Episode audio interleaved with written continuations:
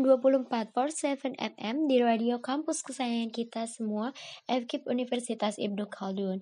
Halo hai semuanya. Gimana kabarnya hari ini? Malam ini bersama saya Ayu yang bakal menemani kalian dari pukul 8 malam sampai pukul 10 malam ini.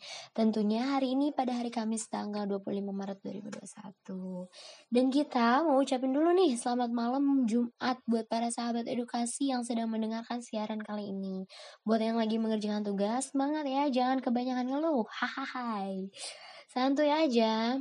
Dikerjain tapi. Dan yang buat lagi lembur dengan pekerjaan semoga cepat selesai. Dan yang lagi masih di perjalanan, semoga selamat sampai tujuan. Eh, aku juga nggak lupa nih mau ngingetin sama kalian untuk tetap menjaga prokesnya ya. Tetap menggunakan masker, hand sanitizer, and jaga jarak. Nah, buat para sahabat edukasi yang mau sharing bareng aku tentang pembelajaran daring, boleh banget nih di 085 715 059 006. Aku ulangin ya, di 085 715 059 dan 006. Atau buat kamu yang pengen request lagu dan kirim salam buat teman, keluarga, pacar atau bahkan mantan kamu juga boleh loh. Dan ini satu lagu pertama buat kamu dari manusia kuat dari Tulus. Enjoy.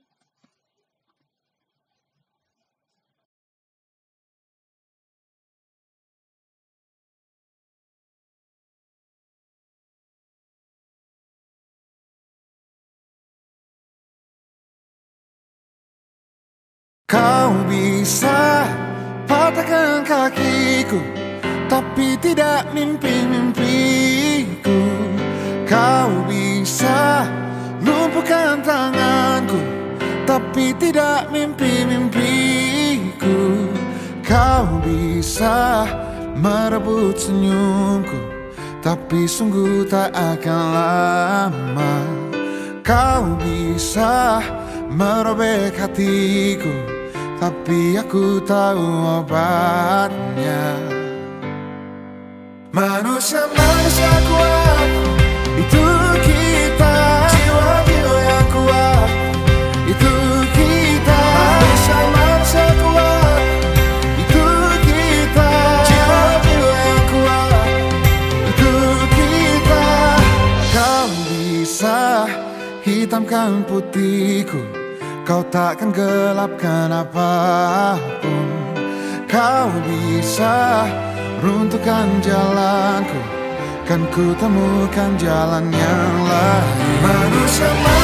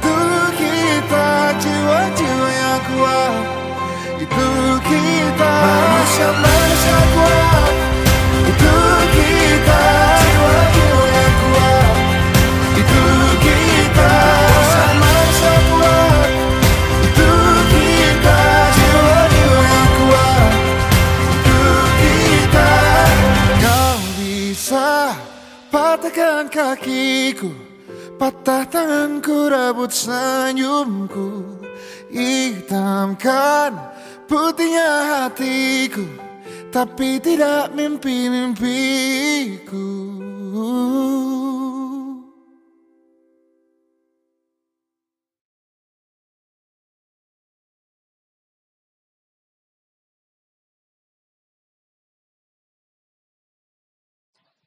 Oke, masih bersama Ayu di sini.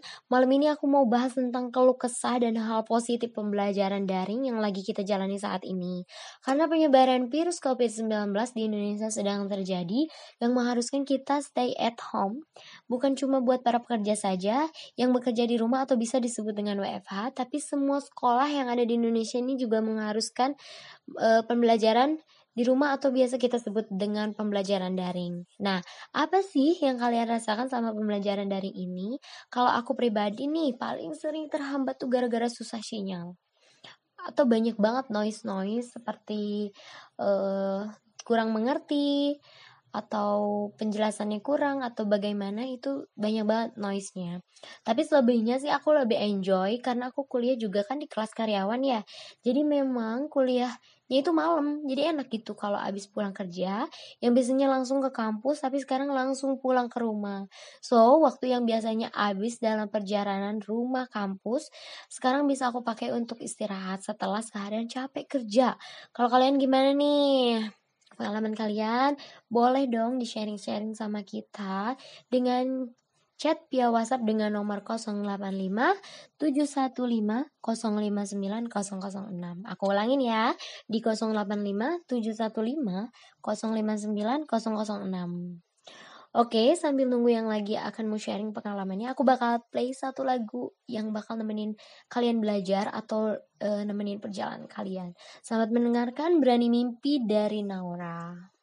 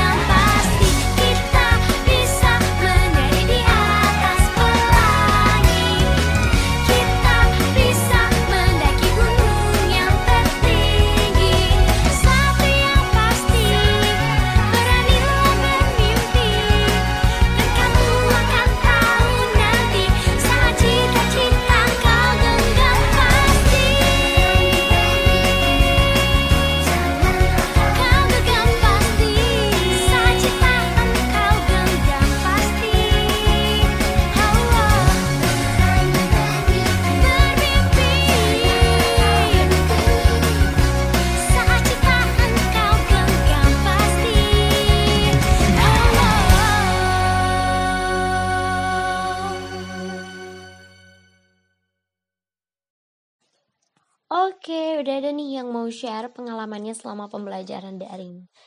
Yang pertama itu ada dari salah satu mahasiswa dari kampus tetangga nih.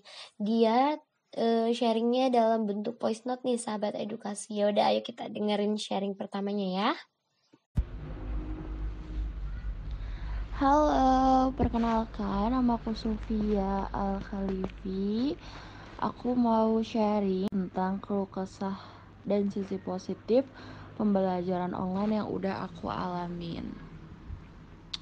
Keluh kesahnya pembelajaran online itu um, yang pertama susah ngatur jadwal sih karena kadang-kadang uh, jadwalnya tuh lebih maju atau uh, diundur gitu. Jadi kadang-kadang dosen tuh nggak bisa apa ya ngikutin sesuai jadwal yang udah dikasih di spot pembelajaran.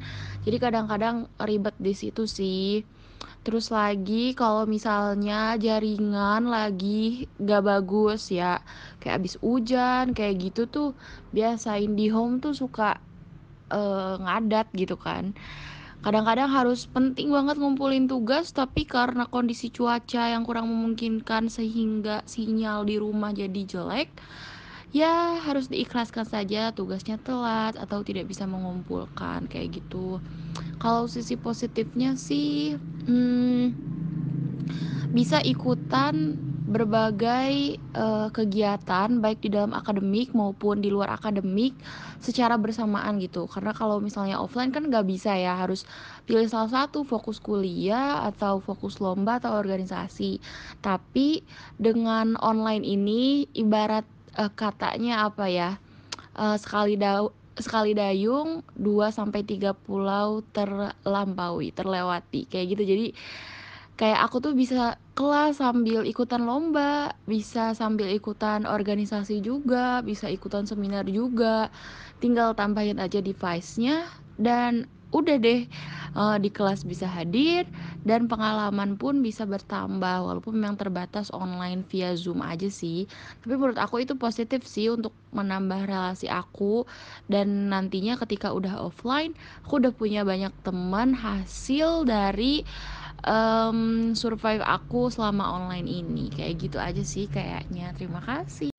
Wah, boleh ditiru nih meskipun pembelajaran daring dan tetap stay at home, tapi kita juga harus tetap produktif dong, jangan rebahan mulu. nih, khusus buat kamu yang hobi rebahan tapi sebenarnya punya mimpi yang tinggi, ayo guys, kita saat ini kejar mimpi kayak lagu yang satu ini nih, kejar mimpi dari Maudi Ayunda.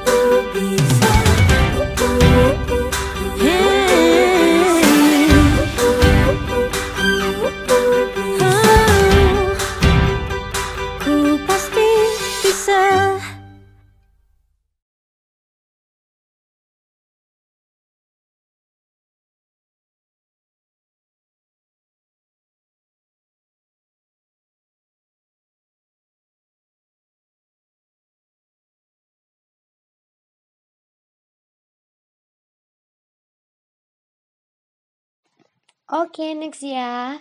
Ada yang mau sharing lagi nih sekarang dari siswa SMA kelas 12 tapi dia minta namanya dirahasiakan. Oke, kalau gitu kita ganti pakai nama samaran aja ya. dari pemuda tersesat. Halo kak gue mau sharing pengalaman pembelajaran daring gue selama ini. Dan ini lebih kayak kekeluhan sih hehehe. Jadi selama pembelajaran daring banyak banget materi yang gue pribadi nggak ngerti. Apalagi kebanyakan guru itu hanya kirim file materi tanpa penjelasan. Bahkan hanya kasih tugas doang dan waktu yang diberikan oleh guru itu sangat singkat banget. Kita sebagai siswa merasa tertekan dan stres dengan tugas yang melebihi batas wajar dari tugas saat offline dan belum lagi kami sebagai siswa harus memahami materi dari file yang guru bersangkutan berikan. Dan gue sih berharap semoga ke depannya dalam proses pembelajaran daring ini lebih banyak interaksi antara guru dan siswa. Tidak hanya memberikan tugas atau hanya memberi materi tanpa penjelasan saja. Dan gue juga berharap dalam pembelajaran daring ini harus ada koordinasi antara guru dan siswa terjalin, kata dia gitu. Dan gue juga harap bagi para guru lebih memperhatikan mental siswa, apalagi siswa kelas 12 yang fokusnya terbagi antara belajar dan menentukan pilihan ke depannya. Oke, makasih atas sharingnya ya pemuda tersesat. It's okay kalau kamu belum nyaman dan kamu belum mengerti sama pembelajaran saat ini.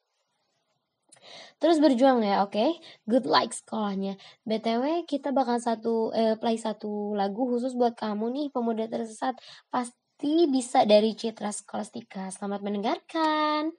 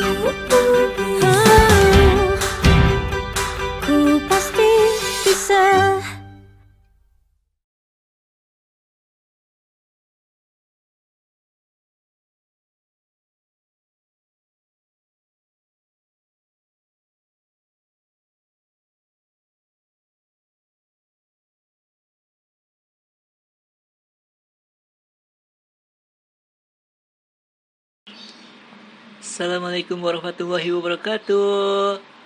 Halo F1 24 FM Di Radio Santai bermanfaat di kampus FKIF UIK Bersama saya Ilham Orang yang paling oke Smart, cool, and perfect. Pokoknya very very nice lah. Oh iya, halo semuanya. Udah makin malam ya sahabat edukasi Tapi tenang aja, kita masih di sini kok untuk menemani malam yang sunyi sesunyi hatiku. Hai, sorry bercanda kok. Oh iya, masih dengan topik obrolan yang sama yaitu tentang keluh kesah dan hal positif pembelajaran daring ya sahabat edukasi. Buat kalian yang mau sharing-sharing, silakan kirim pengalaman cerita kalian ke nomor 085 715 059 006. Saya ulangi lagi ya, 085 715 059 006. Oke, sambil menanti cerita panjang sepanjang jalan kenangan kita yang selalu bergandengan tangan. Eh, maaf, maksud saya sambil menanti sharing dari sahabat edukasi. Yuk, kita dengerin lagu yang satu ini dari original Central Startup Indonesia version Chandra Goji. Running, Cikidot.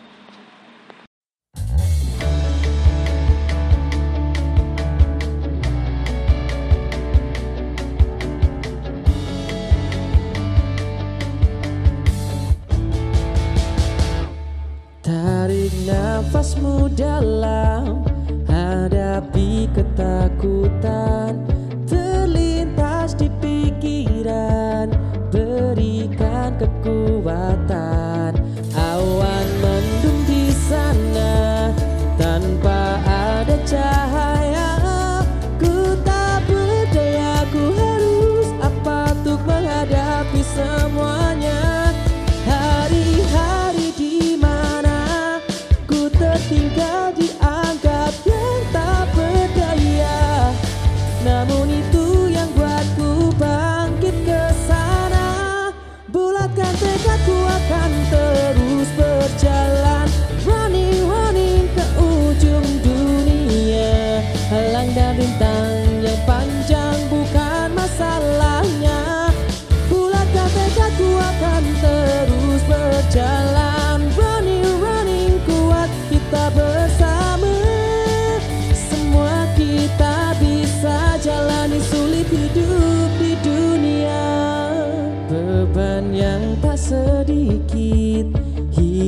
yang makin sulit. Dan kau datang untukku Menyapu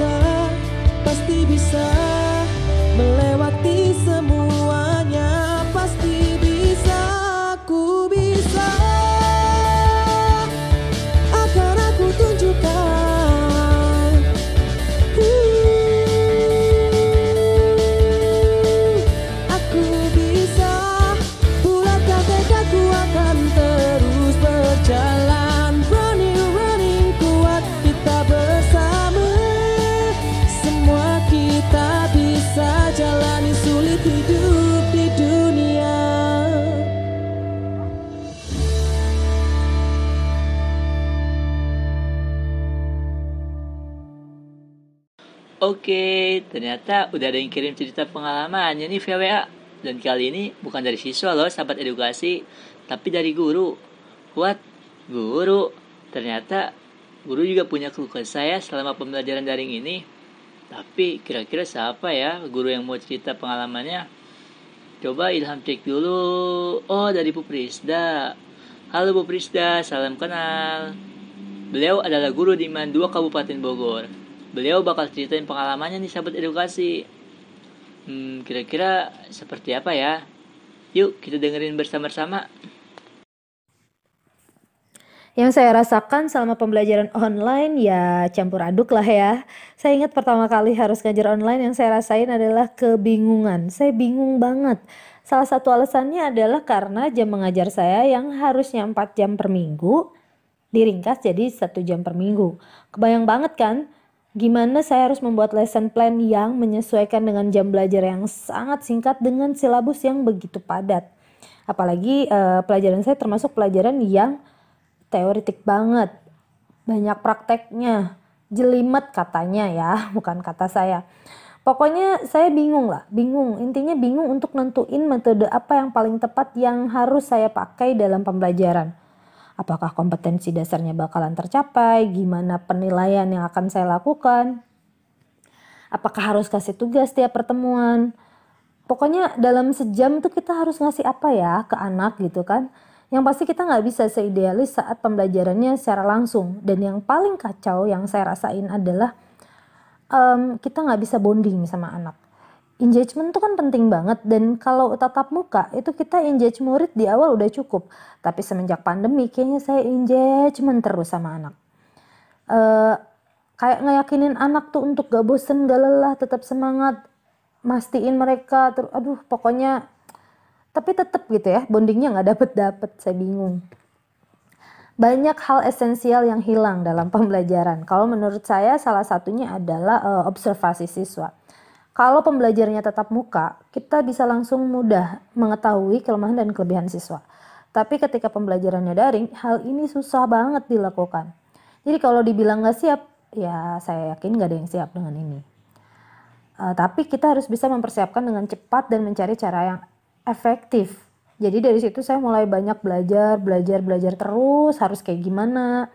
Karena makin ke sini alhamdulillah uh, semuanya menurut saya menjadi lebih mudah karena udah tahu oh saya harus kayak gini, oh metode bab ini harus kayak gini. Cuman saya tahu setiap metode tuh nggak selalu tepat karena kendala yang muncul bukan saja tentang kesiapan guru membuat lesson plan yang menarik, uh, dan menyesuaikan dengan silabus. Gak cuma kita deh para guru yang harus beradaptasi, tapi juga siswa. Bahkan orang tua siswa. Uh, mungkin kita semua tahu kendalanya nggak jauh dari handphone, kayak kuota, sinyal, atau jaringan, rumahnya di pelosok. Uh, dan yang paling penting tidak didukung orang tua. Ini banyak loh yang kayak gini, karena uh, banyak orang tua murid yang tidak memahami pembelajaran daring, sehingga banyak anak yang justru jadi bekerja bantu-bantu orang tua di jam-jam pelajaran sekolah. Nah untuk siswa yang kurang motivasi belajarnya cenderung gagal. Banyak anak yang kayak gini nih justru memanfaatkan momen ini untuk uh, abai dengan pembelajarannya dan lebih memilih bersenang-senang dengan main game, nongkrong, ketimbang harus belajar daring. Sehingga bagi guru uh, jelas ini menjadi kendala selama mengajar. Kan tugasnya jadi numpuk, materi yang nggak dipelajarin anak jadi nggak ngerti Intinya banyak hal yang membuat pembelajaran menjadi terhambat. Dan di sisi gurunya ini menjadi lebih berat dan melelahkan karena mereka harus jadi operator. Uh, harus japriin anak yang bermasalah satu-satu. Uh, apa sih kayak memperpanjang jam pengiriman tugas. Aduh ini uh, bener-bener uh, kayak kalau di sisi ininya ya di sisi tugasnya itu jelas uh, guru lelah saya merasakan itu. Kalau di sisi ngajarnya nggak, justru enjoy kalau menurut saya. Um, kalau di awal-awal belajar online siswa masih banyak deh yang ngikutin aturan. Tapi makin ke sini justru siswa makin banyak yang kayak tadi abai dengan alasan bosan, jenuh, aduh lelah lelah gitu ya, tugasnya numpuk dan lain-lain. Kayak ada aja gitu alasan mereka. Terutama ya setelah saya amati yang berubah sebenarnya dari siswa itu adalah sikap belajarnya. Menurut saya itu jadi kendala terbesar sih. Banyak siswa yang kehilangan motivasi belajar ditambah ada iming-iming pasti lulus karena lagi pandemi. Nggak ada UN lagi.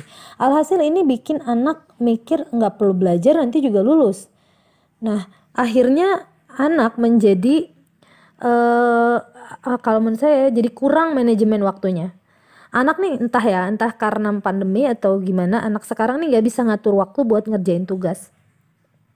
Jadi nggak ada tas komitmennya. Sebenarnya kalau dipikir kan belajar satu jam misal dengan guru yang kasih tugas misalnya ngerjain modul deh. E, cuman 10 soal. Satu jam tuh cukup kan? Karena guru tidak me, menuntut anak untuk ngerjain itu makai mikir aja terus nggak ngelihat apa-apa. Enggak. Anak boleh doh ngelihat Google, nanya temennya, lihat di buku. Kita kan nggak nuntut kalian apa sih anak-anak untuk uh, nggak kayak gitu ya kan. Tapi karena kebiasaannya mereka ditumpuk ya kan dientar-entar, akhirnya lama kelamaan kerjaan mereka menjadi banyak dan bilang gara-gara belajar online tugasnya jadi numpuk. Ini membingungkan ya kan.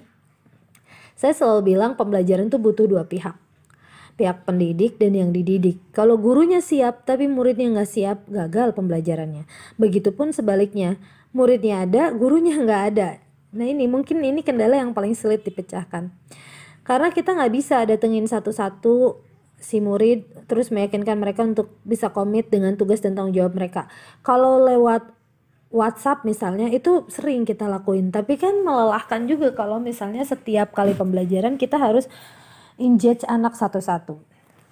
Oke, di sisi lain, uh, menurut saya sih pembelajaran seperti ini justru memicu saya sebagai guru untuk uh, menjadi lebih produktif dan kreatif dalam mengajar. Saya nggak bisa bilang saya bersyukur ada ada di momen ini, tapi memang sesuatu yang harus saya syukurin karena akhirnya saya ngerasa benar-benar jauh lebih produktif daripada kalau tatap muka.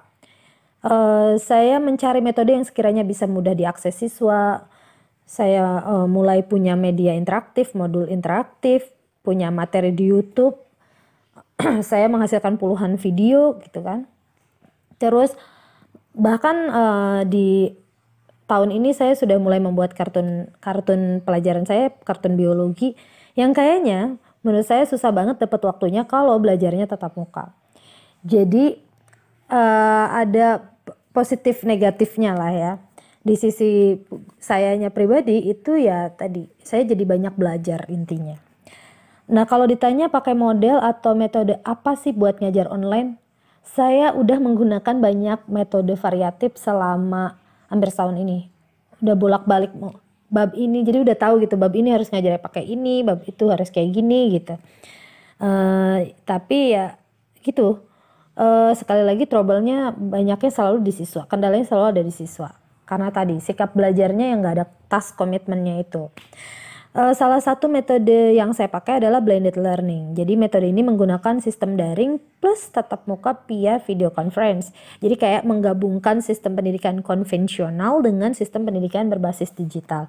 Menurut saya sih lebih efektif karena kita masih bisa ketemu sama murid meskipun via video conference. Uh, tetapi juga kita bisa kasih uh, metode daringnya misalnya kayak tugasnya online gitu uh, cuman ya tadi makin ke sini uh, gurunya makin kreatif makin produktif tapi muridnya semakin sedikit yang mengikuti pembelajaran saya. Jadi saya bingung nih apakah uh, saya yang terlalu bersemangat atau metodenya nggak tepat atau saya juga nggak ngerti. Tapi uh, bagi saya pribadi sih bersyukurnya karena akhirnya saya menemukan dan saya tahu kalau uh, saya bisa jauh lebih produktif uh, ke, uh, meskipun dalam kondisi yang kayak gini gitu ya. Sahabat edukasi, kalau kita simak baik-baik dari cerita Bu Prisda ini, jadi dalam kondisi saat ini, menurut saya pribadi, antara guru dan murid itu harus saling mengerti karena rata-rata siswa mengeluh itu dengan tugas yang diberikan oleh guru. Dan guru juga sebenarnya tidak tinggal diam saja. mereka, para guru harus mempersiapkan materi yang akan disampaikan dan mereka juga harus berpikir metode dan model apa yang bisa dipakai agar para siswanya dapat memahami. Jadi, buat kalian yang sedang masa-masanya belajar, jangan banyak mengeluh ya. Ngeluh terus nih, kapan kelarnya oleh-oleh dari guru tercinta? Asik, guru tercinta. Ngomong-ngomong tentang tugas, buat temenin tugas kalian sebagai siswa atau bahkan guru pada malam hari ini, saya akan puterin satu lagu nih dari Indie Band tentang perjalanan hidup. Selamat mendengarkan dan enjoy selalu ya sahabat edukasi.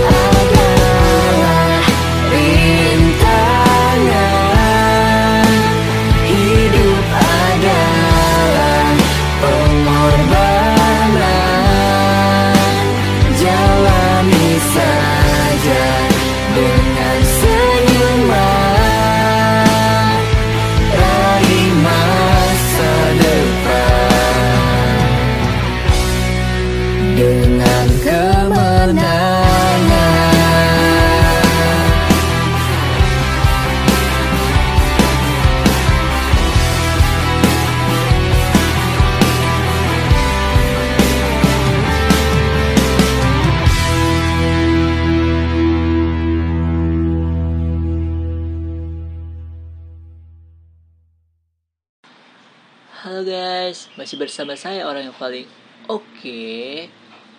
Gimana nih untuk lagunya? Apakah memotivasi atau sebaliknya? Ya, itu sih tergantung diri sendiri ya. Oh iya, sepertinya ada yang mau sharing nih dari kakak mahasiswa. Hmm, kira-kira siapa ya? Daripada kita penasaran, yuk kita dengerin bersama-sama.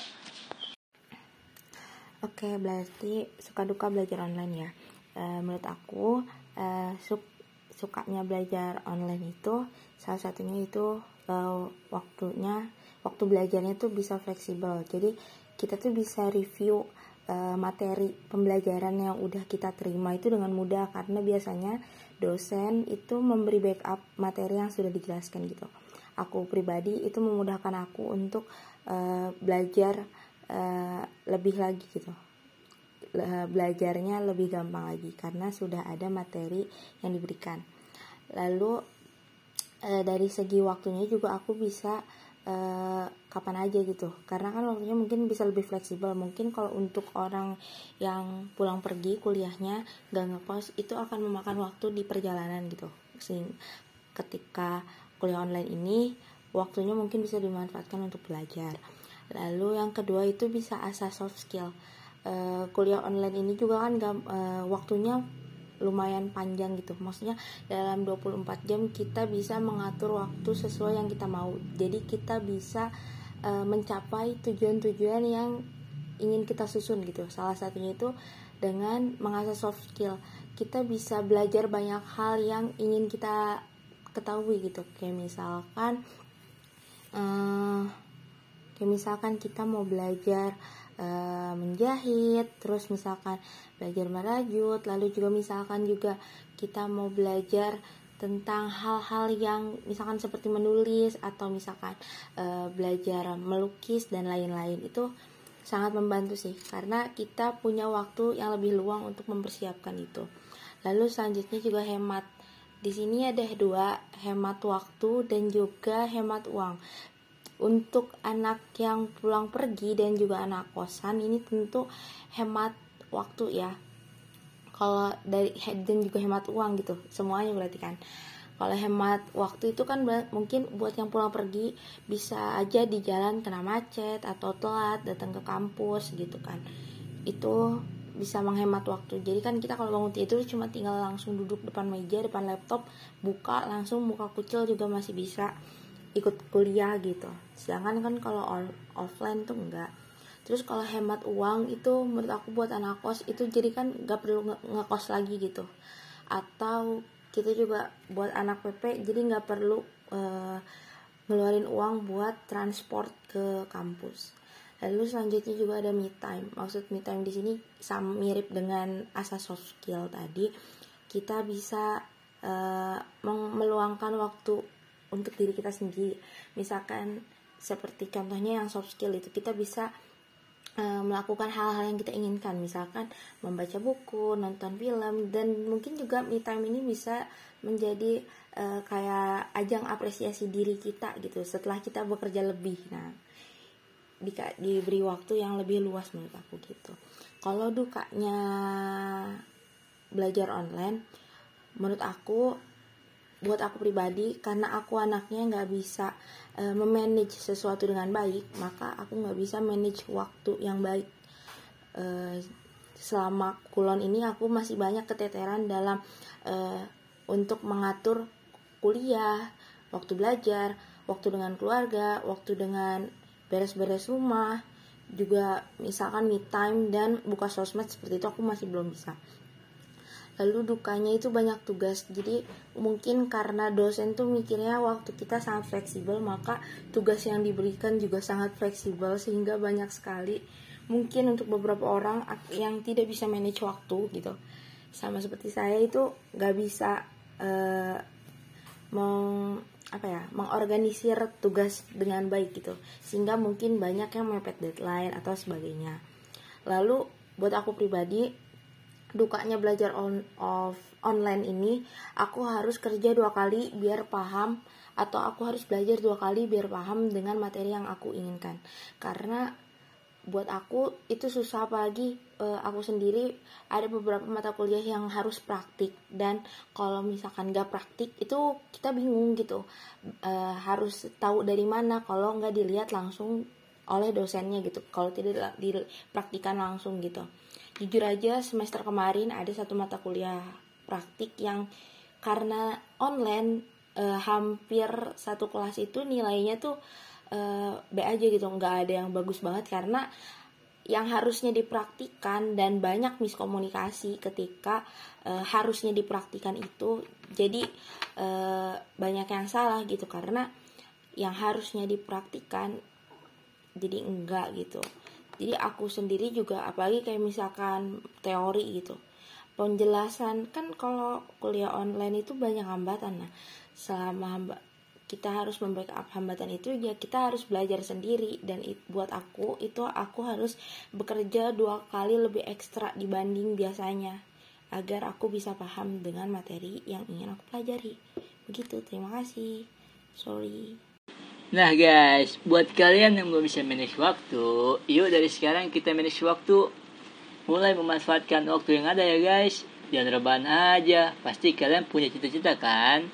Ayo makanya jangan nyerah sama kondisi kayak gini. Meski kondisi kayak gini, kita tetap harus mewujudkan impian kita sama kayak lirik lagu dari CJR yang bunyinya Tak perlu tunggu hebat untuk berani memulai apa yang ku impikan. So, ini dia terhebat dari CJR.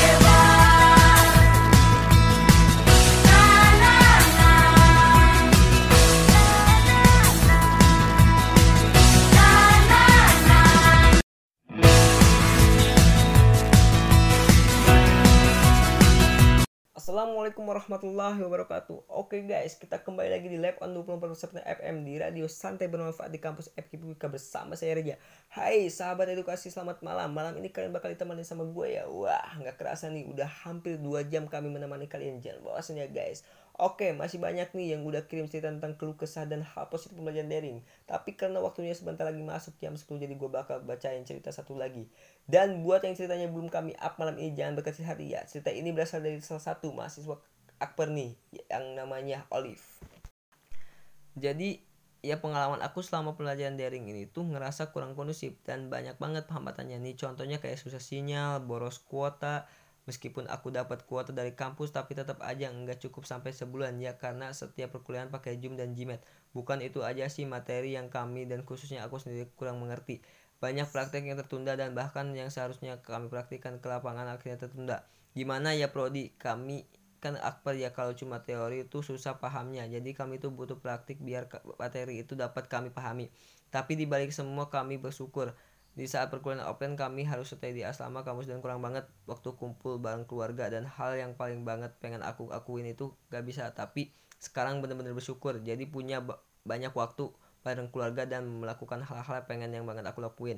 Udah sih gitu aja. Makasih udah mau baca cerita aku So, pada kondisi kayak gini di mana penyebaran virus COVID-19 entah kapan berakhir, tapi kalian jangan pernah patah semangat dan tetap cari ilmu. Jangan selalu mengeluh. Lo jangan dikit-dikit ngeluh tugas dikit-dikit ngeluh tugas. Kalau ngeluh terus kapan beres tugasnya? Dan buat para pendidik semangat juga ya dalam memberikan ilmu kepada peserta didiknya.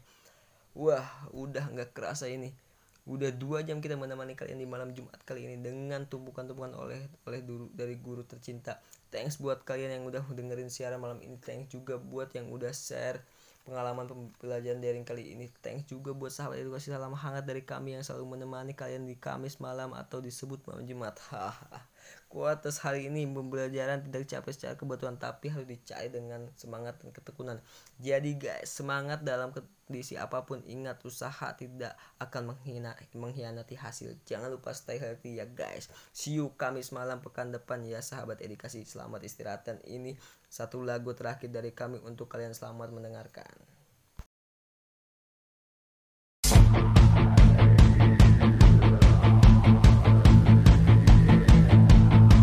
Lelah takkan membuatku berhenti berlari menghadapi semua cobaan hidup ini. Letih takkan menghalangi semangatku untuk melangkah bersamamu. Meraih semua